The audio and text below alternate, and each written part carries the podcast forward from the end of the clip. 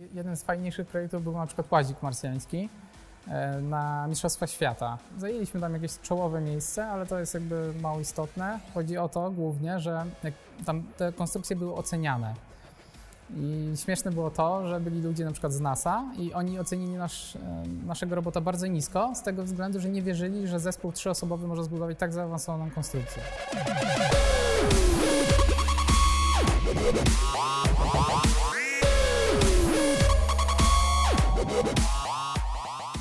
Partnerami kanału są 3QQ, inwestycje w dochód pasywny z nieruchomości, Gonito, Twoja droga na Amazon, Paul Rentier, w końcu skuteczne ubezpieczenia oraz pracownia krawiecka Karola Włodarskiego Der Red. Sprawdźcie również opis filmu, gdzie znajdują się linki do naszych partnerów, spis treści, link do naszej grupy na Facebooku oraz gdzie można znaleźć nasz podcast.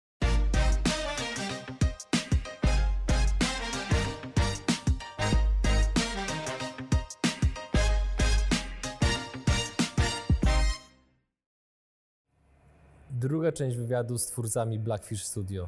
Dokładnie tak. Na czym polega Twoja codzienna praca, Bartku? Na co dzień zajmuję się projektowaniem urządzeń. I Na przykład moi... tego tu. Tego typu jak to. Yy, wiadomo, nie robię tego sam, mamy cały zespół. Yy, głównie zajmuję się częścią mechaniczną i koncepcyjną, także myślę, że w tym jestem najlepszy. Yy, moim celem jest na pewno rozwiązywanie problemów ludzi. Nie chodzi mi o kopiowanie rozwiązań, które istnieją na rynku, tylko robienie czegoś nowego. Z jakich swoich projektów jesteś najbardziej dumny? Aczkolwiek wiem, że to towarzyszy często i inżynierom, i programistom, że jakby wasze dzieło nigdy nie jest skończone, ale tak, no, tak. które są najbliżej powiedzmy tego, tego ideału? Znaczy, no myślę, że jeden z fajniejszych projektów jest właśnie to ramię. E, no z tego względu, że no każdy lubi mieć roboty, znaczy, no może, może nie każdy, ale no myślę, że często marzeniem dziecka jest mieć robota. Tak. No i takie ramię, które waży tonę, no to już jest coś. A jak, jaka historia stoi za tym ramieniem? Za ramieniem? Hmm, wiadomo, że no, zajmujemy się głównie tutaj branżą filmową. To jest jeden z pierwszych rynków, który chcemy podbić. Na tym nie skończymy. E, no i takie ramię jakby daje nowe możliwości w filmie. Z tego względu, że możemy je do, y, dowolnie zaprogramować i ono zawsze będzie odtwarzało ruch tak samo, a przy tym może poruszać się bardzo szybko. Więc yy, szczególnie przy bardzo szybkich ujęciach, czyli na przykład jak spada szklanka ze stołu, albo chcemy podążać za, za spływającą wodą, albo z jakimś wybuchem, no to robotem możemy za tym podążać. W tym momencie widzimy tak naprawdę kilka procent prędkości robota, mhm. także, także jest fajnie. Jak zdobywałeś kompetencje, tak patrząc naprawdę lata wstecz, które pozwoliły Ci dojść do poziomu, gdzie razem z zespołem budujecie coś takiego? To nie jest samochód sterowany elektrycznie, którego pragną małe dzieci, tylko to jest robot za milion złotych, jak dobrze pamiętam. No, dokładnie. Więc jak wyglądał ten proces do tego, żeby intelektualnie być gotowym na budowę czegoś takiego? Znaczy, ja miałem tak, że od dziecka rozkręcałem wszystkie zabawki, jakie miałem. Czyli była gwiazdka, zabawki przychodzą, to ja od razu z śrubokrętem, wiesz co, to je rozkręcałem. Nawet do teraz się chłopaki śmieją, że przychodzi do nas nawet nowe urządzenie, ja je wyciągam z pudełka, ja je rozkręcam. Przed uruchomieniem często. Ja muszę zobaczyć, jak to działa, bo po prostu inaczej to jest ciężko u mnie, nie? Ale to było, to było silniejsze od ciebie, czy to był taki po prostu nawyk? Jak, jak, jak to określić? Znaczy ja lubię wiedzieć, jak urządzenia działają, także mm, rzadko przepuszczam jakieś urządzenie wiesz, na przykład idę gdzieś ulicą albo gdziekolwiek w samochodzie w internecie, to ja jakby jak widzę jakieś urządzenie, które nie rozumiem jak działa, znaczy nie widzę jak działa jakby patrząc na obudowę, no to ja muszę dojść do tego, jak to jest zbudowane, nie? I na tej podstawie jakby tworzę swoje rzeczy, no bo poznaję rozwiązania innych ludzi. To jaki był najdziwniejszy przykład jakiegoś urządzenia, które starałeś się przeanalizować i zrozumieć, jak działa? Najdziwniejszy? Nie wiem, czy mogę być najdziwniejszy. Na pewno była taka sytuacja, pamiętam, e, jak byłem dzieckiem, że były dwa takie same odkurzacze w domu, tylko miały inne kolory. Ja je rozkręciłem i złożyłem, ale tak, żeby części były pozamieniane kolorami. To było ciekawe. To akurat zapamiętałem, że była taka sytuacja. Działało. E, działało, oczywiście, że działało. Tylko były kolory zamienione i no, rodzice byli zdziwieni. Nie? Mhm. Okej. Okay. Co jeszcze zbudowałeś? Co jeszcze zbudowałem? Jeden z fajniejszych projektów był na przykład Łazik Marsjański e, na Mistrzostwa Świata. Jeszcze przerwę. Ile masz lat? 27, a w piątek mam 28. Okej, jesteśmy rówieśnikami. Ekstra. No, mów dalej. E, No, czyli tak, łazik marsjański na Mistrzostwa Świata. I to była taka sytuacja, że dowiedzieliśmy się przed, o zawodach trzy miesiące przed. No ale ja oczywiście, jak zobaczyłem, że coś takiego jest, no to mówię, wchodzimy w to. Ale wtedy było tak, zero umiejętności obsługi CNC, zero, e, powiedzmy tam małe umiejętności obsługi innych maszyn, ale stwierdziłem, że no muszę, nie? Po prostu chcę jakby w tym wystartować, niezależnie jaki będzie wynik, to, to jest mega lekcja. No i tak naprawdę zebrał się zespół trzyosobowy, dwie osoby od mechaniki i jedna osoba od elektroniki. No i zbudowaliśmy tego łazika w dwa miesiące, łącznie jakby z nauczeniem się obsługi maszyn CNC, wszystkiego innego, wszystko wykonaliśmy sami. Pojechaliśmy na te zawody. E, Tam zajęliśmy tam jakieś czołowe miejsce, ale to jest jakby mało istotne. Chodzi o to głównie, że tam te konstrukcje były oceniane. I śmieszne było to, że byli ludzie na przykład z NASA i oni ocenili nasz, e, naszego robota bardzo nisko, z tego względu, że nie wierzyli, że zespół trzyosobowy może zbudować tak zaawansowaną konstrukcję. Co było waszą siłą bądź przewagą, że. W, no, no bo jednak Mhm. Umówmy się, no eksperci z NASA są w NASA z jakiegoś powodu. No, Jeżeli, no, no. I, I ocenili wasz, waszego robota nisko, no to musieliście zrobić coś troszeczkę inaczej niż Tak, inne tak, zespoły, tak, że tak. tak, przy tak ograniczonych zasobach zrobiliście coś tak dobrego, co było aż nie do uwierzenia, że mogliście to zrobić. To co zrobiliście inaczej? Znaczy on był bardzo zaawansowany technicznie. Tam było zawieszenie praktycznie skopiowane z oryginalnego łazika, który jeździ teraz po Marsie. Nie? Także no, to było bardzo zaawansowane, muszę przyznać. E, No i też dziwiło, dziwiło ich to, że zespół był tak mały. Tam zespoły były po 20-30 osób i to było normalne i budowali łaziki po kilka lat. I głównie zlecali na zewnątrz wszystko i tylko składali to. Nie? I to były bardzo proste konstrukcje. I także jak przyszedł zespół trzyosobowy, no to było po prostu dla nich absurd, nie? Po prostu niemożliwe. Jakby to, to się nie zdarzało prędzej, więc Będę drążył. Co zrobiliście inaczej? co zrobiliśmy inaczej? Mm. Na pewno tam była, no może takie mocno techniczne, ale rozproszona sieć e, jakby komunikacji pomiędzy modułami, czyli każdy silnik miał własny sterownik, własny procesor i one się komunikowały ze sobą i korygowały jakby ruch. No i to było na tyle zaawansowane, że tam było ponad 20 silników, w tym było mm, 8 silników w samym zawieszeniu, plus 6 silników napędowych, plus jeszcze 6 silników e, w ramieniu. No bo no, bardzo zaawansowana konstrukcja jak na, jak na te zawody. Wiadomo, że e, co roku są coraz lepsze konstrukcje i te, co teraz są, to są już naprawdę dobre i trzeba przyznać, że Polacy są praktycznie najlepsi na świecie. Myślę, że Polacy ogólnie bardzo kombinują i bardzo dużo robią naprawdę bardzo przełomowych rzeczy. Nie? Jak teraz są zawody Mistrzostwa Świata tam w Ameryce, e, no to praktycznie od pierwszego tam, pierwsze, drugie, trzecie, czwarte, piąte są sami Polacy. Wszys- wszystkie zespoły polskie wygrywają praktycznie pierwsze miejsca, a potem jest reszta świata. Nie? Także no, trzeba przyznać, że Polacy są pod tym względem dobrzy i trzeba przyznać, że niestety polski system edukacji nie ułatwia. Do tego jeszcze wrócimy, natomiast kiedyś jak czytałem biografię Elona Muska, teraz troszeczkę górnolotnie polecimy, to był taki fragment, gdzie robiono wywiady z jego znajomymi. Tak, tak, I oni tak. się wypowiedzieli, że e, Elon jest takim typem gościa, że jak się czymś zainteresuje, to po prostu pochłania każdą możliwą ilość dostępnej wiedzy na dany temat. No, nauczył się budować rakiety, więc to chyba Mm. o, o czymś świadczy, prawda? Też czytałem. No właśnie. I teraz pytanie do Ciebie. W jaki sposób wykształciła się w Tobie tak gigantyczna ciekawość świata? Bo Twoi wspólnicy między innymi mówili o tym właśnie, że e, masz tak różnorodną wiedzę z różnych dziedzin, które się przeplatają ze sobą, że to jest aż niespotykane. Więc z jednej strony jak wykształciłeś tą ciekawość, a z drugiej strony jak ją w tej chwili podtrzymujesz?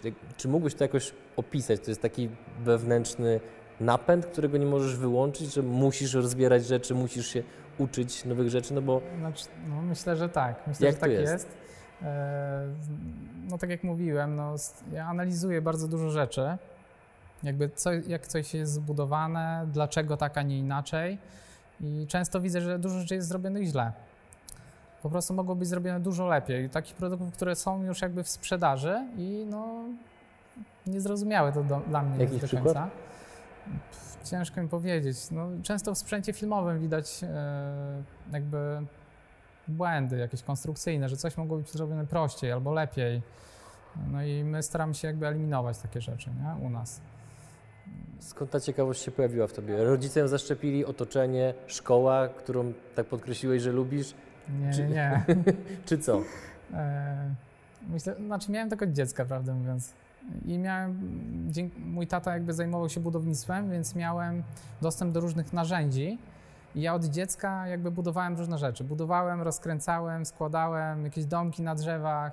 Najbardziej mnie właśnie jarał, jarał ten proces samego budowania. Ja budowałem domki na drzewach i je porzucałem.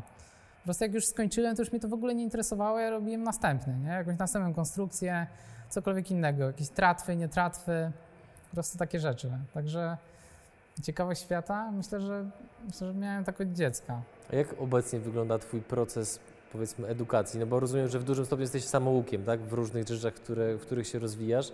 Więc jak to wygląda? Masz jakiś taki stały harmonogram dnia, że robisz to, uczysz się bardziej rano, bardziej wieczorem, może w nocy, czy jeszcze jakoś inaczej? Znaczy, ja mam tak inżyniera elektroniki i magistra mechaniki i budowy maszyn, e, ale prawdę mówiąc, e, no, najważniejsze jest samo, jakby samo kształcenie, czyli jakby czytanie książek na ten temat. Szczególnie te starsze książki są lepsze, bo tam jest naprawdę konkretna wiedza. E, Te nowe już są powiedzmy takie mocno łopatologiczne, jak ktoś powiedzmy zaczyna się, interesuje, no to warto, żeby zgłębił taką wiedzę. Ale myślę, że najważniejszy w tym jest internet, tak naprawdę, bo internet jest taką skarbnicą wiedzy, ludzie się wymieniają wiedzą, jakby mm, rozbudowują ciągle projekty. Na przykład w drukarkach 3D to widać, że ludzie jakby, no ileś lat temu się tym zajmowałem, jakby tak bardziej grubo, budowałem drukarki, no różne rzeczy z tym tematem. Także Niesamowite. E, Także widzę po prostu, jak to się rozwinęło od tamtego momentu, jak to w tamtym momencie się rozwijało, że po prostu ludzie jakby udostępniali sobie bezpłatnie, po prostu udoskonalali projekty. E, I to jest super. I to jest właśnie taka jakby globalna świadomość, że ludzie się wymieniają i dzięki temu to się samo napędza i idzie bardzo szybko. To jest bardzo ważne, myślę. Jest parę takich platform elektronicznych, na przykład Arduino, gdzie ludzie bardzo szybko mogą się uczyć programowania, jest to uproszczone, są gotowe biblioteki i super sprawa. Co byś powiedział widzowi, który słuchając Cię myśli sobie, skoro gość jest taki mądry, to czemu idzie w branżę akurat filmową? To, to jest, ta branża jest jakoś szczególnie rentowna, czy szczególnie Cię interesuje, czy jaki jest powód tego, że jesteś akurat tutaj, a nie na przykład w SpaceX? Tutaj jestem akurat, no to akurat jak był wywiad z Bartkiem, to on już mówił, że trafiłem tutaj do studia przez hamburgera. No i taka jest prawda, ale to tam już nie będę drążył tematu. Ale trafiłem tutaj, trafiłem na ekstra ludzi, na naprawdę na, ja to bardzo cenię, żeby po prostu budować takie rzeczy w fajnym zespole. A uważam, że na pewno nie skończymy na branży filmowej, ale jest to na pewno fajna branża, bo tutaj jest wiele jeszcze do ulepszenia. Wiele rzeczy można zrobić lepiej, tak Co jak w każdej. Nie? No chociażby lepsze roboty do filmowania. Czy... To jest naprawdę najszybszy robot filmowy na świecie w tej chwili? Praktycznie tak, no. Znaczy wiadomo, że są inne roboty filmowe i też są bardzo szybkie. Ciężko jest powiedzieć tak naprawdę, żeby tak, trzeba było je porównać, bo to też zależy od warunków użytkowania, od tego jak, jaką kamerą jest obciążony, od danego ruchu, czy parabola, czy po prostej, ale to jest jeden z najszybszych robotów na świecie, to jest pewne. Co byś doradził osobom, które chcą się rozwijać w jakiejś dziedzinie? Myślę, że drążyć tematy samodzielnie przede wszystkim. Na pewno y, żadne, żadne uczelnie, żadne jakieś dodatkowe kursy nie dadzą To tyle. jest bardzo odważne stwierdzenie, że żadne uczelnie. Dlaczego? Dobra, większość uczelni. Znaczy myślę, że żad, żadne uczelnie, no mogę powiedzieć nawet, że żadne uczelnie, jeżeli chodzi powiedzmy o mechanikę, uważam po prostu, że w tym samym czasie można zdobyć dużo więcej wiedzy samodzielnie. Na przykład jak? Y, na temat y, powiedzmy elektroniki, czy programowania, czy mm, projektowania. Y, No wiem po sobie, że po prostu takich zajęć jest za mało na uczelni. I powiedzmy, jak ja mam przez powiedzmy semestr projektowanie 3D dwie godziny w tygodniu, to to jest nic. Ja mogę na przykład w jednym tygodniu zrobić kilkadziesiąt godzin jakby projektowania 3D, ja się nauczę dużo więcej.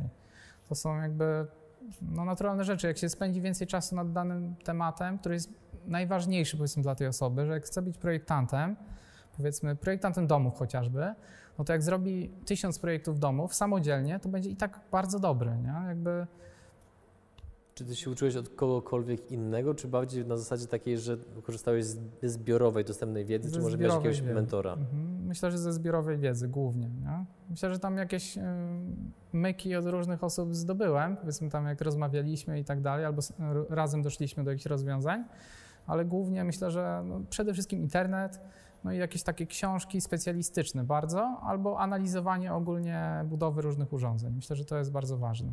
Dla Wracając, mnie przynajmniej. Okej, wracając do pytania o branżę filmową, powiedziałeś, że zespół był takim decydującym czynnikiem, ale czy było coś jeszcze? Jakby nie twierdzę, że to jest, nie jest wystarczający powód, bo to jest bardzo istotne, żeby pracować w środowisku pracy, które jakby sprzyja naszemu rozwojowi. Natomiast no, jeszcze podrążę, dlaczego branża filmowa? Ja nie byłem zamknięty nigdy na żadną branżę i Tylko wiesz, budowałeś ogóle- łazika marsjańskiego, nie? no tak, tak. A teraz budujesz robota filmowego. To jest jakby Tak. chyba no, dwie różne osie w ogóle, czy, No, czy czy nie? ja wiem, czy ja wiem? Niekoniecznie, no bo ja nie widzę problemu, żeby za jakiś czas się zająć w ogóle innym tematem, ale chciałbym w tym temacie po prostu osiągnąć sukces. Wiem po prostu, że trzeba się skupić na danym temacie, jakimś konkretnym, czyli na przykład tak jak teraz mamy branżę filmową, no to ja ten temat drążę po prostu jak najgłębiej się da. W jaki sposób? Pada jakiś przykład. Obserwuję praktycznie najważniejsze osoby z branży, czyli wsze- wszelkie Instagramy i tak dalej, bo no, muszę przyznać, że Instagramy w tym momencie są mega dobrym źródłem wiedzy. Bo tam ludzie pokazują rzeczy z backstage'u, czyli pokazują na przykład e, jak to robią, jak to jest zbudowane, w jaki sposób robią ujęcia. E, Tego za bardzo nie ma w internecie. W sensie może gdzieś tam na Vimeo, na YouTubie jakieś e, po, pojedyncze filmy, ale lepsze są, prawdę mówiąc, filmy z telefonu, które ludzie wrzucają spontanicznie, bo nie zastanawiają się nad tym, co wrzucają do końca. I tam można bardzo dużo wychwycić fajnych rzeczy, ciekawych, Co dla Ciebie będzie sukcesem w branży sukcesem. filmowej? Kiedy będziesz miał takie poczucie, że domek na drzewie jest już zbudowany i możesz iść dalej. Znaczy ja myślę, że jakby iść dalej. Nie wiem, czy w ogóle bym chciał iść dalej w takim sensie, żebym z tego zrezygnował, bo bym chciał, żeby ta firma jakby rosła, rosła, rosła, rosła, żeby zebrał się taki zespół ludzi, żeby móc budować kolejne fajne rzeczy. Ale czy całkowicie rezygnować? Myślę, że nie, nie. Chciałbym po prostu rozwijać kolejne marki, na przykład jakieś, w ogóle mogą być inna tematyka, czy łaziki marsjańskie, czy roboty do, do min, do, czy jakieś no, dowolne, czy drony, czy biodruk. Na przykład biodruk też jest ciekawym tematem, który mnie bardzo interesuje. No, słyszałem, że kiedyś miałeś podobne jakieś wizyty u lekarzy, którym oferowałeś tego Znaczy, typu no, pomysł. Tak, no, no bo ja już tak około 5 lat temu chciałem się zająć budową drukarki bio, czyli biologicznej, która drukuje z komórek. Czyli miałeś 22 lata i wpadasz na pomysł, że chcesz budować drukarki, tak, ja które... nawet zrobiłem projekt. Okej. Projekt zrobiłeś, okej. Tak, częściowo już mam ten projekt wykonany. Teraz bym to zrobił wiadomo inaczej, bo mam dużo większą wiedzę na ten temat, ale już wtedy to miało prawo działać. I to jest o tyle fajny temat, mm, że jest bardzo przyszłościowy. Myślę, że w przyszłości biodruk będzie bardzo często wykorzystywany w medycynie. Jak będzie wystarczająco mocno rozwinięty, no to będzie można po prostu produkować e, organy dla ludzi z ich komórek, czyli odrzut jest zerowy, nie będzie potrzeba jakichś specjalistycznych leków, żeby podtrzymywać powiedzmy przeszczepy, albo w medycynie estetycznej, co jest łatwiejsze, no bo to są łatwiejsze jakby organy do wydrukowania, czyli tam o, o, e, uszy, nos, wiadomo o co chodzi, nie? E, także to jest też ciekawy temat. Myślę, że chciałbym kiedyś się tym zająć. Zobaczymy. Jak wygląda Twój dzień pracy? Tak od momentu, kiedy się budzisz i o której się budzisz?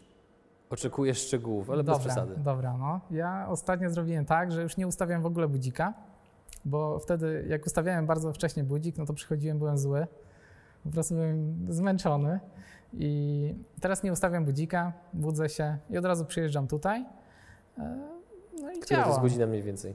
Dziewiąta, Mhm. dziesiąta, maksymalnie, bo nieraz wcześniej, nieraz później, zależy, zależy co robimy, nie? bo na przykład e, wczoraj chłopacy, albo na dzisiaj, dzisiaj chłopacy, co tutaj jest ekipa, e, skończyli plan o 5 rano. Poszli do domu i wrócili Jak dobra tutaj. impreza. Tak, tak. Wrócili tutaj i działamy dalej, jak widać. Także No i okej, przyjeżdżasz do pracy i jak ta praca wygląda? Nie nazwałbym tego pracą, bo jakby to była praca, to raczej by mnie tu nie było. E, no, projektujemy nowe rzeczy, budujemy nowe rzeczy. E, Mnie to mega jara. Szczególnie lubię, jak budujemy coś naprawdę nowego, coś, co jakby przewyższa rozwiązania, które wprowadzili producenci, którzy są na przykład 100 lat na rynku i my budujemy coś, co jest lepsze. I to jest po prostu... Możesz zdradzić, co to jest takiego na przykład w tej chwili? E, no na przykład teraz zbudowaliśmy nową lampę do oświetlania, oświetlenia filmowego. Ta lampa nie ma takiego efektu, efektu zwanego flickerem, czyli nie migocze podczas nagrywania. E, I to nie jest wcale takie proste do osiągnięcia.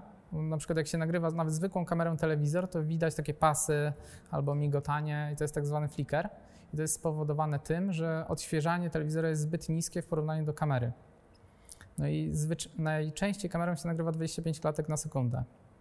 Nasza lampa nie ma tego efektu flickera nawet do 4000 klatek na sekundę. Czyli można jakby zwalniać czas. Czyli na przykład jak nagramy 7 e, sekund e, kamerą, to odtwarzanie trwa około 8 minut. Także to, to, jest, to jest takie zwolnienie czasu i nie ma migotania. Nie? Na przykład jak mamy oświetlony, powiedzmy mielibyśmy oświetlony plan jarzeniówkami i włączyli tą kamerę powiedzmy na 1000 klatek, to by było mignięcie takiej jarzeniówki raz na kilka sekund.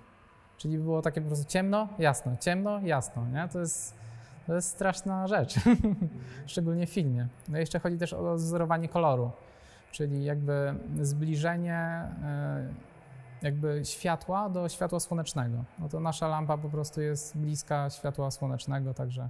Bo jakby urządzenia, które budujecie, one nie są tylko i wyłącznie na Wasze potrzeby, ale to też są to normalnie produkty komercyjne tak, do kupienia. Tak, tak, tak. tak, tak Samo tak. jest z tą lampą, o której przed chwilą powiedziałeś. Dokładnie tak. No, tą lampę budowaliśmy już na zamówienie. E, od razu ona już jest sprzedana. Na zamówienie kogo? E, firmy filmowej, która się zajmuje filmami. Jak? Co to, co to za firma? Firma, która robi e, filmy high-speedowe właśnie przy pomocy robota i super szybkiej kamery. Okej. Okay. I oni przyszli do Was, powiedzieli, że potrzebują coś takiego i takiego, wiemy, że Wy jesteście to w stanie zbudować, poprosimy. No właśnie, oni mają już do nas takie zaufanie, że zamawiali już, już u nas inne, inne rzeczy, właśnie takie plany filmowe. Doskonale wiedzieli, że my nigdy lamp LEDowych nie budowaliśmy prędzej, ale powiedzieli, że dają kasę w ciemno, z góry zapłacili, bo wiedzą, że my to zrobimy. I jeszcze w międzyczasie był, był taki, była taka rzecz, że mm, wpadli na jeszcze inny pomysł z jeszcze inną lampą. My jeszcze pokryjomy w międzyczasie zbudowaliśmy. Także zbudowaliśmy dwa rodzaje lamp e, jakby w międzyczasie. Nie? No i teraz Powiedz mi, ty się uczysz podczas samego projektowania, czy jakby masz taki, wiesz, dedykowany czas, że siadasz na dwie godziny przed komputerem i się uczysz? Jakby mnie strasznie ciekawi, jak ten proces edukacji u ciebie wygląda, bo jesteś, zdajesz sobie z tego sprawę, bardzo nietypową osobą, która łączy w sobie różne dziedziny, więc w jaki sposób ty tą wiedzę przyswajasz? Jak to wygląda? Znaczy ja mam, myślę, że mam taki problem, że aż za dużo czasu nad tym spędzam, bo po prostu ja jakby nie potrafię w ogóle nawet się od tego odciąć, prawda? Więc ja cały czas jakby E, cały czas czegoś szukam, coś analizuję, cały czas o czymś myślę. E, także nie potrafię jakby wydzielić czasu, nie? Jakby, który konkretnie na, na, to, bo ja tego nie traktuję jako, jakby jako karę, jak, to nie jest coś takiego jak nauka nieraz w szkole była, że trzeba było się czegoś nauczyć. Nie? Ja to traktuję jako przyjemność wręcz. Dla mnie to jest coś fajnego, dlatego myślę, że dzięki temu to idzie dobrze. Bo jak ja bym z tego nie czerpał, nie czerpał radości, to by nie szło, po prostu. Myślę, że to Ile jest kosztują ważne. Produkcje filmowe, które wytworzycie? Bo rozmawialiśmy o tym jeszcze przed wywiadem, że klienci czasami nie do końca zdają sobie sprawę z tego, z jakimi tutaj, o jakich kosztach jest mowa. Czy możemy coś tak. o tym więcej powiedzieć? Myślę, że możemy i myślę, że większość klientów nie jest świadoma, e, jakie to są koszty w ogóle jakby produkcji filmowej. E, w sensie, że na przykład jak my wyceniamy produkcję na 150 tysięcy albo na 200 tysięcy, to myślę, że to jest takie nie wiadomo skąd, nie? a tak naprawdę koszty produkcji są gigantyczne. Samo wynajęcie sprzętu, mm, jakby osoby, które są na planie, to jest nieraz 20-30 osób na jednym planie, jednej reklamy, więc każda osoba musi dostać, wiadomo, pieniądze, no bo nie zarobi. Po to, po to tu przyszła. Po to przyszła. I tym bardziej, że to jest taka branża, że te osoby e, pracują tylko ileś dni w miesiącu, więc to nie jest tak, że płacimy im 10 zł na godzinę, tylko to jest na przykład 1000 zł czy tam 3000 za dzień. Nie? Także no, to się zbiera wszystko na, zbiera się wszystko na całą jakby mm, kwotę reklamy. Także no to jest tak samo wynajęcie sprzętu, na przykład tak, wynajęcie takiego robota na dzień to jest około 20 tysięcy, tak jak my wynajmujemy firmie zewnętrznej. Wynajęcie takiej kamery jak tutaj jest, to jest półtorej tysiąca, zestaw obiektywów to kolejne dosłownie tysiące, a to jest jedno narzędzie, a potrzeba dużo więcej. Jak w świecie, w którym w tej chwili praktycznie każdy ma smartfona i może nagrać film, wideo, oczywiście no, obydwoje wiemy jakiej jakości, ale jak w świecie, gdzie każdy ma smartfona, wasza usługa przekłada się na biznes waszych klientów? To, jest, to są bardziej kwestie dla nich wizerunkowe, PR-owe, czy faktycznie wysokiej jakości materiał wideo jest w stanie na przykład mieć wpływ na sprzedaż, pozyskanie pracowników, kontrahentów? Jak to jest? Znaczy, produkcje, które my robimy, są już są bardzo przemyślanymi produkcjami. To nie są produkcje typu e, nagrane i zmontowane byle było, tylko są jakby celowo chcemy wpływać na jakieś emocje ludzi, e, przekazać e, jakieś wartości, które ma firma. I to, jest, to jest, nie jest takie proste. Nie? Jakby, mm, a poza tym no, wiemy, że po prostu jeżeli jeżeli firma się do nas zwraca i my wyceniamy na przykład jakiś projekt, mówimy na przykład przykładowo 50 tysięcy i mówimy, że taniej się po prostu tego nie da zrobić dobrze, ale no jeżeli, rozumiemy, że jeżeli nie stać ich na to, no to po prostu mogą skorzystać z usługi innej firmy. No i często się tak dzieje, ale za jakiś czas te firmy wracają, bo po prostu wie, widzą, że jeżeli jakaś, no zlecą powiedzmy jakiejś firmie za 3000 zł zrobienie reklamy, no i to są wyrzucone często pieniądze w błoto, bo no niestety to nie spełnia ich jakby norm, jakby ich wymagań. Często jakby firma zlecając pokazuje jakąś reklamę na przykład na YouTubie, że chcieliby coś takiego. Tylko no nie, nie mają świadomości, że taka reklama kosztuje na przykład 100 tysięcy czy 200 tysięcy. I to naprawdę nie są w ogóle wyssane kwoty z palca, bo po prostu to są, to są gigantyczne koszty. Nie? Jakby ja też nie miałem takiej świadomości. Jak ja tu przyszedłem po tym hamburgerze, no to dla mnie to były kwoty w ogóle, no bo skąd miałem to wiedzieć, nie? I wcale się nie dziwię ludziom. Także staramy się jakby tłumaczyć, dlaczego tak jest. E, no i większość firm to rozumie, a szczególnie widząc nasze portfolio, no coraz, coraz łatwiej jest jakby, nie? Firmy mają większe zaufanie i praktycznie prawie 100% klientów nas wraca. Jakby robimy jedną produkcję i do nas wracają. Która z Waszych produkcji odniosła na taki najbardziej spektakularny sukces dla klienta? Czy spektakularny? Mm, ciężko mi powiedzieć, bo nie mam jakby mm, danych od klientów, ale na pewno fajną produkcją była produkcja wycieraczek, którą niedawno robiliśmy. Mhm, widziałem, bardzo no, fajna, naprawdę. No, także Zostawiłem ona... komentarz nawet. Ekstra. Była bardzo zaawansowana technicznie, dlatego dla nas to było bardzo fajne jakby przeżycie. No i fajne jest to, że film, ta, ta, reklama leci w całej Europie, także na pewno będziemy dopytywać o efekty, o sprzedaż, czy wzrosła, bo prędzej nie było żadnej reklamy, więc jest łatwo porównać, nie? E, także zobaczymy. No też robiliśmy na przykład produkcję dla Japonii. E, dla Japonii. Dla Japonii. W Bydgoszczy. W Bydgoszczy. W Toruniu dokładnie, w domu Kopernika, bo to były... E, Okej, okay, mogłeś tego nie mówić, żartuję oczywiście, ale okay. podaj szczegóły teraz, no, proszę. No, no. E, to były produkcje e, dokumentalne, coś takiego na takie chińskie Discovery, właśnie o domu Kopernika. Nie robiliśmy tam całej produkcji, bo tam przyjechali do nas Japończycy, operatorzy z Japonii. No. Jak oni was znaleźli? Tego nie wiem, ale chyba się zgłosili po prostu do nas. To by trzeba było do Bartka się odezwać, ale z tego co wiem, to po prostu do nas napisali, po prostu byliśmy firmą, która była najbardziej wiarygodna w okolicy, więc Chyba potem zdecydowanie. Nie? Staramy się być jakby dobrzy w tym, co robimy. Czy były jakieś e, jeszcze inne, oprócz tego, co mówił Twój wspólnik Bawdek w poprzednim wywiadzie, wtopy, które szczególnie zapadły Ci w pamięć w związku z Waszą działalnością? Tamta chyba była najbardziej spektakularna. E, od wtedy no nic, nic szczególnego takiego się nie wydarzyło, takiego, co naprawdę by zabolało, bo e, budując powiedzmy prototypy urządzeń, jeżeli coś nie wychodzi, to ja prawdę mówiąc w tym momencie już się tym nie przejmuję, po prostu wiem, że, że to jest jakby etap. E, rzadko kiedy powstaje urządzenie, gdzie ono działa praktycznie od kopa, nie? także jeżeli coś po prostu nie działa, to wynajdujemy rozwiązanie, żeby działało i już. Ale większość jakby rzeczy, które budujemy, działa od razu. Okej. Okay. Podobno do pierwszych waszych produkcji filmowych dokładaliście. Tak, Często tak dwukrotną wartość samego tak zlecenia. Jak to przetrzymaliście? Jak się wtedy czułeś i dlaczego to robiliście? Znaczy, robiliśmy to po to, żeby od razu wejść na wyższy level. Nie chcieliśmy jakby chodzić na czworaka po schodach, tylko chcieliśmy przeskakiwać po kilka stopni od razu. Także No, prawda jest taka, że dokładaliśmy do części produkcji po to, żeby były po prostu dużo wyższej jakości. Wiedzieliśmy, że po prostu klienta na początku nie było stać, ale jak go uświadomiliśmy, że to jest naprawdę dobre i warto to robić, no klienci teraz nam, ci sami klienci płacą nam wielokrotność tej sumy, która była na samym początku.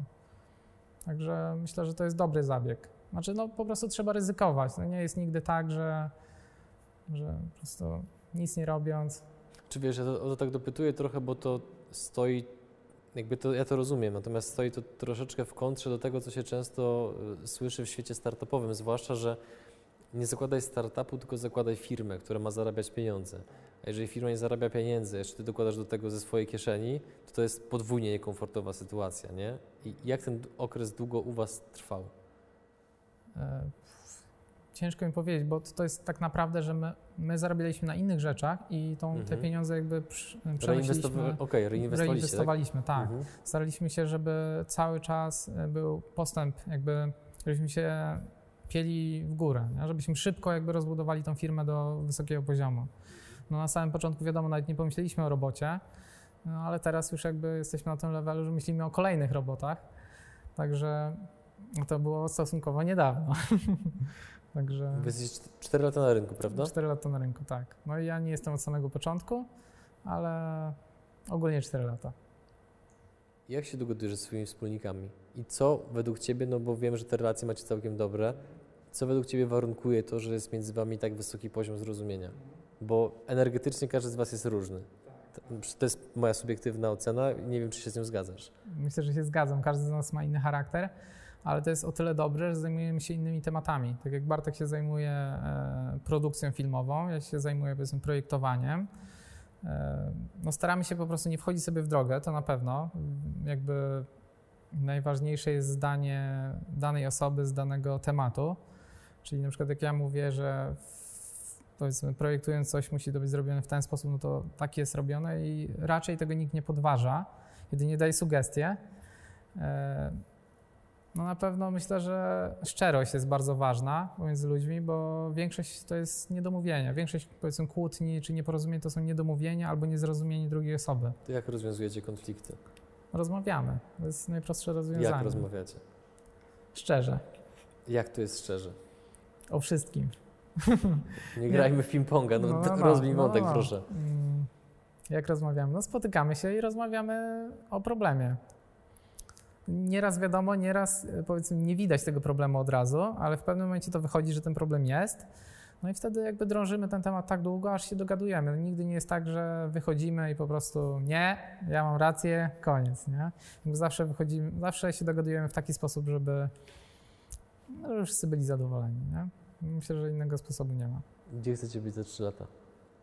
gdzie chcemy być za 3 lata. Chcielibyśmy na pewno, żeby nas, nasz sprzęt był wykorzystywany w największych produkcjach filmowych.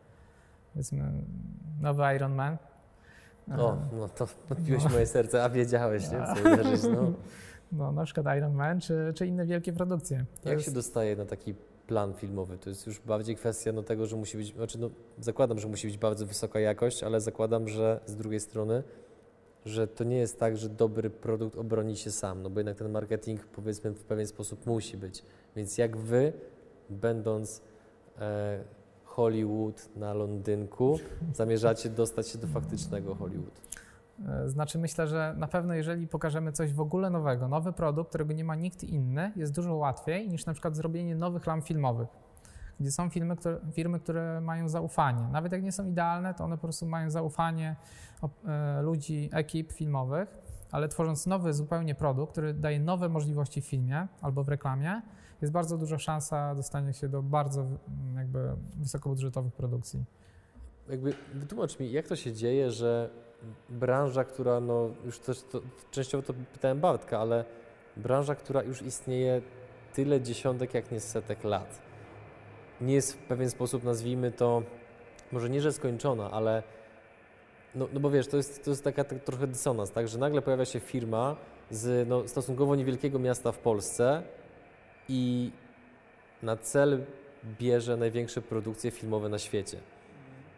Ja jestem bardzo dumny z tego, że, że tak powiem, mieszkańcy miasta, w którym sam mieszkam, mają takie ambicje, to jest, to jest super. Tylko próbuję zrozumieć, Jak ta branża funkcjonuje? Czy po prostu oni już mają takie poczucie, że jesteśmy tak dobrzy, że nie musimy być lepsi? Czy jakby no nikt nam nie zagraża? O co chodzi? Myślę, że e, część firm jakby celowo stopuje, żeby nie wyprztykać się ze wszystkich pomysłów. Mm, też część firm na pewno sprzedaje produkty, które po prostu się sprzedają. Mm, nie rozwijają dalej jakby swoich linii. Ciężko im powiedzieć, w czym jest problem. No my na pewno chcemy jakby poszerzać możliwości filmowców. To jest jakby naszym celem. Żeby po prostu były nowe możliwości, bo na pewno są. Ewidentnie to widzimy, że że są pewne problemy, których nikt nigdy nie rozwiązał i nie wiemy dlaczego. Na przykład? Mamy taki jeden pomysł, ale nie okay. no dobra, powiem o co mhm. chodzi. Chodzi o kontrolę e, obiektów na planach filmowych. W sensie na przykład poruszanie jakimś obiektem na planie filmowym, przesuwanie, wyrzucanie, podrzucanie. E, takie rzeczy teraz buduje się specjalnie pod dany plan. I to jest o tyle duży problem, że trzeba zatrudnić specjalistów, zatrudnić inżynierów, elektroników, programistów na dany plan, którzy to zbudują i to może nie zadziałać, bo to jest prototyp. To bardzo dużo kosztuje. E, wynaleźć takich specjalistów, to prawdę mówiąc, nawet jak my byśmy chcieli teraz, to nie wiem skąd, no bo to muszą być ludzie, którzy się na tym znają. Także my chcemy stworzyć system, mm, który będzie jakby klockami Lego. E, to będzie się ze sobą skręcało w odpowiedni sposób, według oczywiście instrukcji, filmów. I to będzie pozwalało na tworzenie nowych sekwencji ruchów. I do tego nie będzie trzeba specjalistów tylko kupuje się komplet elementów albo dokupuje kolejne i buduje jakby systemy. Nie? To jest jakby, to jest tak bardzo ogól, ogólne i bardzo skomplikowane, że ciężko mi jest to wytłumaczyć, ale chodzi na przykład o poruszenie jakiegoś logotypu, obrócenie, jakieś wyciągnięcie spod płynu albo podrzucenie jakiegoś no, chociażby papryczek czy czegokolwiek innego, no to właśnie o takie rzeczy chodzi. To jest jedna z rzeczy, które na pewno chcemy zrobić i teraz nad tym pracujemy, także już niedługo. już pierwsze prototypy poszły, także działają. Jaką skalę może przybrać to, o czym mówisz? To jest, mhm. Czy można to jakoś wymiernie określić w ogóle? E, na pewno to rozwiązanie jest w stanie zrewolucjonizować rynek filmowy. Przynajmniej tak myślimy bo po prostu to jest tak e, rozległy temat i tak problematyczny. My sami się jakby z tym, my możemy takie rzeczy zbudować sami dla siebie na plany filmowe, a często tego nie robimy, bo nie ma na to czasu, nie ma na to pieniędzy, a mając takie rozwiązanie w case'ach, w skrzynkach, po prostu wyciągamy, podpinamy do komputera, programujemy i odpalamy. Nie? Jakby nawet można w czasie reklamy zmienić minimalnie plan i na przykład przebudować to łatwo, nie? jakby skręcając w inny sposób, a Teraz na planach jest tak, że jak coś jest zbudowane, no to już jest koniec. Po prostu odpalasz. Jaki, jakiej sprzedaży się spodziewacie? To, to jaki to będzie rząd wielkości, jeżeli to chwyci? Mm. To jest trudne pytanie. Znaczy ja wiem, że wiesz, możesz no. się bardzo pomylić. My jak tak, tak zakładaliśmy tak, tak. nasz program, to ja też szacowałem, że będziemy robili jeden wywiad miesięcznie. Teraz robimy dwa tygodniowo, więc się pomyliłem dość mocno.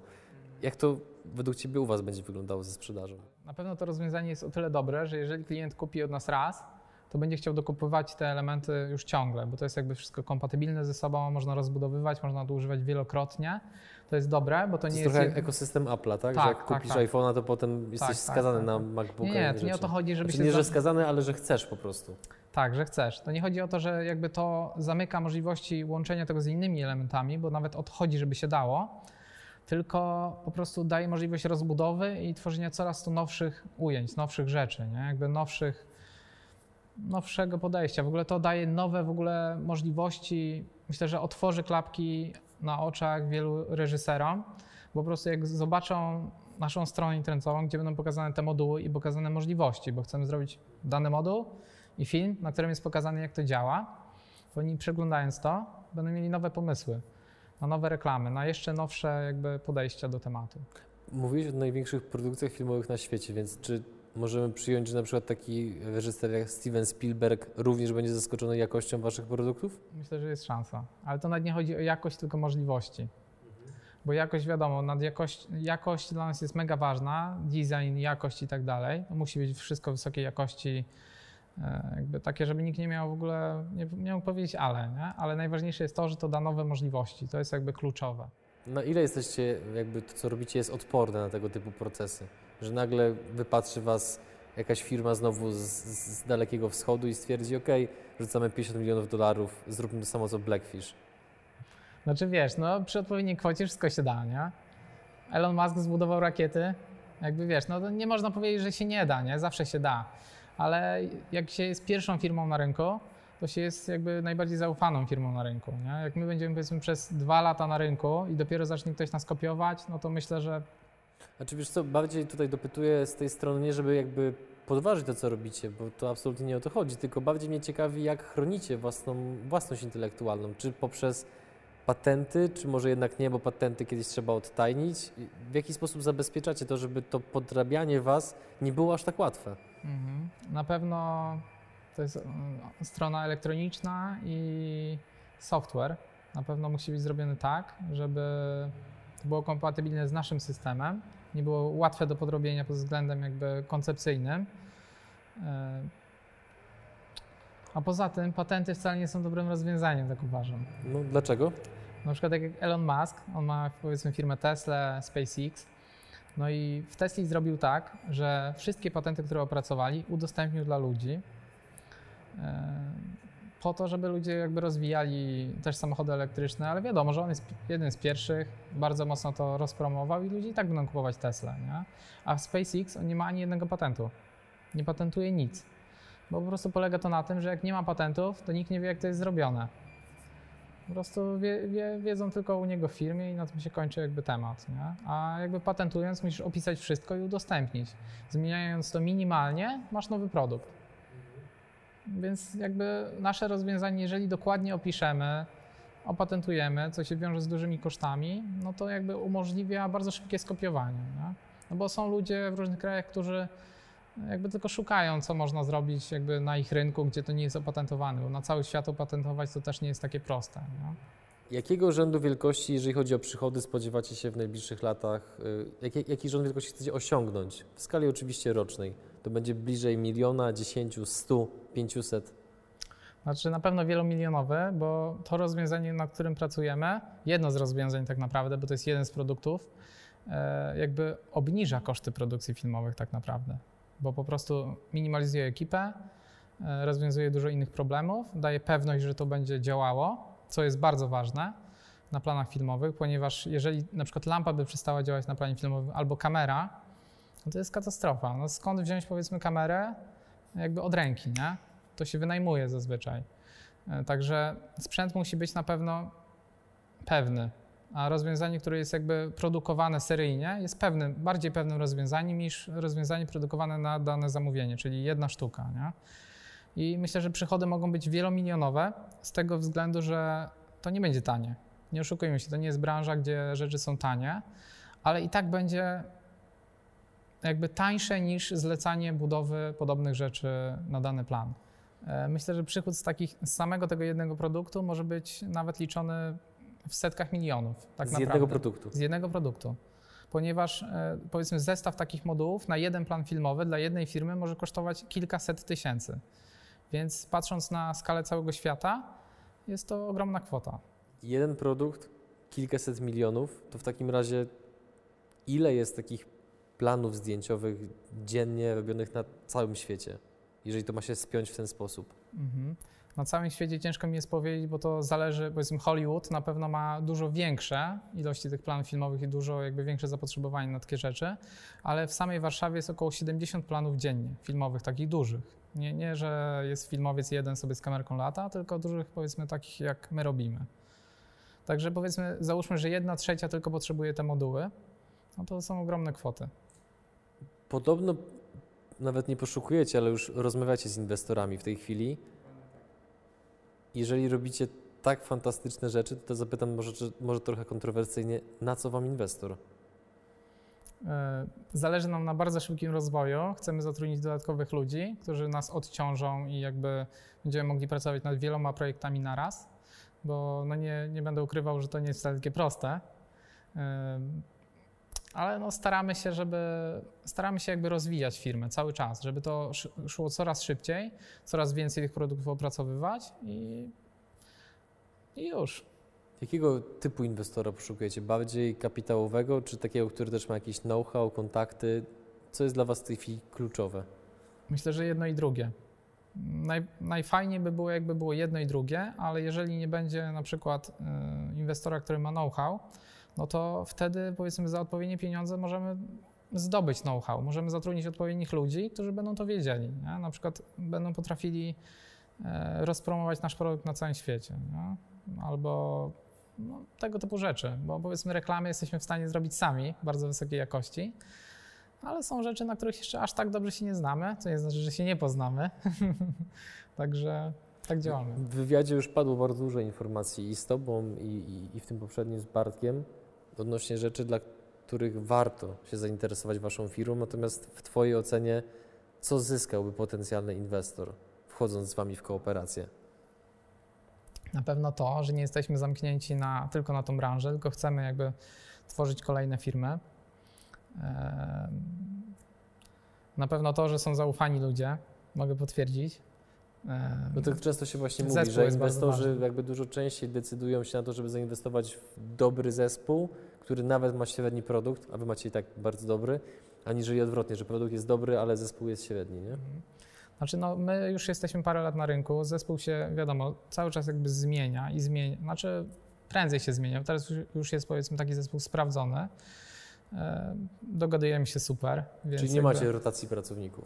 Raczej nie. Znaczy to jest taka branża, że często zatrudnia się ludzi z zewnątrz. Powiedzmy reżysera, który się zna bardzo dobrze na jedzeniu, albo reżysera, który się zna dobrze na fabule, albo na teledyskach.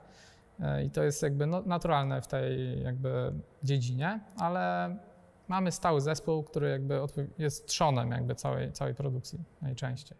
Jaka jest skala waszej działalności? Czy wy się skupiacie w tej chwili przede wszystkim na obszarze Polski? No bo powiedziałeś, że oczywiście celujecie w rynek międzynarodowy, natomiast jestem ciekaw, czy jakkolwiek tego rynku międzynarodowego dotykacie już teraz, co tam też prawdopodobnie dawałoby Wam pewne takie potwierdzenie, że Wasze estymacje co do potencjalnego sukcesu są no, chociaż jakkolwiek właściwie oszacowane. Mm -hmm, to wygląda tak, że no, część produktów już sprzedajemy jakby na całym świecie. E, mamy jeszcze kilka takich produktów, o których nawet nie mówiłem i one już po prostu są, ludzie je używają. E, wystawialiśmy się już kilkukrotnie na przykład na Camera Image. Mamy tam stoisko, gdzie pokazywaliśmy robota i inne nasze rozwiązania. Ludzie nawet kupowali na miejscu rzeczy i po, potem były do nich wysyłane albo odzywali się po, po jakby po targach.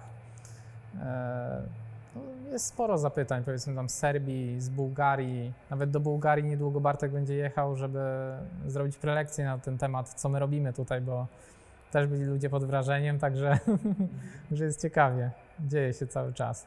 E, także myślę, że idzie to cały czas do góry, nie? Także jest coraz więcej, coraz więcej zapytań, również filmowych jakby z filmami też celujemy jakby za granicę głównie, nie? Jakby to jest nasz cel, żeby robić y, produkcje międzynarodowe coraz większe.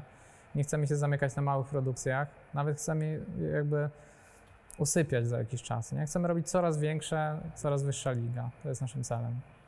Twojego wspólnika również o tą kwestię troszeczkę męczyłem, a mianowicie marketing. Robicie genialne rzeczy, genialne produkty, świadczycie bardzo wysokiej jakości usługi i jak z Twojego punktu widzenia, czy macie jakiś pomysł na to, jak zamierzacie jeszcze bardziej rozpromować to, co robicie? Tak. Doskonale. teraz podziel się, Dobra, jak chcecie to zrobić. Mówię już jak. E, na pewno te moduły, nad którymi pracujemy i produkty, czyli to oświetlenie i wiele innych rzeczy, chcemy pokazać na Camera Image.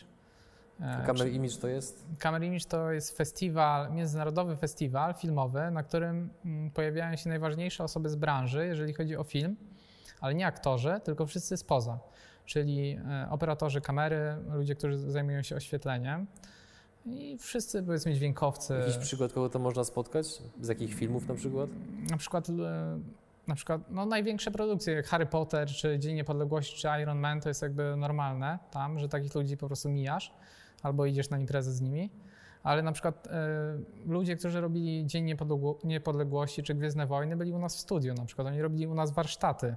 Warsztaty jakby filmowe, także, także fajnie. Nie? I na przykład byli u nas w warsztacie, warsztacie, warsztacie, w którym produkujemy, mm, produkujemy sprzęt i chcieli tam kręcić w ogóle, no bo stwierdzili, że to jest takie laboratorium szalonego naukowca.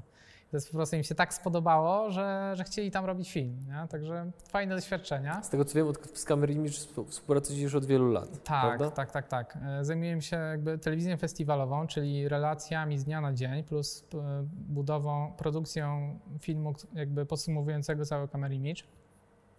Jest około 40 osób przez 7 dni, operatorzy, montażyści i to jakby, no i cała ekipa, jakby dźwiękowcy, fotografowie i z dnia na dzień e, tworzymy relacje. Jakby w dzień są nagrywane, w nocy montowane i na następny dzień się pojawiają. No ale wró- wróćmy jakby do crew, o co chodzi z tym Camera Image. Dla nas jest to jakby, mamy tam mega dobrą pozycję i mamy możliwość jakby zrobienia warsztatów z naszym sprzętem. Czyli pokażemy się przed najważniejszymi osobami z branży, bo, bo to, to jest jedyny taki festiwal, gdzie przyjeżdżają takie osoby. No i fajnie, że był zawsze w Bydgoszczy. E, Pokażemy tam nasz sprzęt, naszego robota i całe te peryferia. Zrobimy z tego warsztaty, nagramy to. No i liczymy na to, że ci ludzie się tym zainteresują, bo jak pokażemy im nowe możliwości, to myślę, że wejdą w to. Domino ruszy. Dokładnie tak. Czego Ci życzyć na koniec? Albo czego Wam życzyć? Żeby wszystko szło tak, jak idzie. Jeszcze szybciej. Okej, więc trzymam kciuki za znalezienie inwestora. Być może już w momencie publikacji tego materiału będziecie albo w połowie drogi, albo być może umowa już będzie podpisana, kto wie. Trzymam za Was kciuki, szczerze kibicuję, jestem fanem. Dziękuję za Twój Dzięki. czas. Dzięki.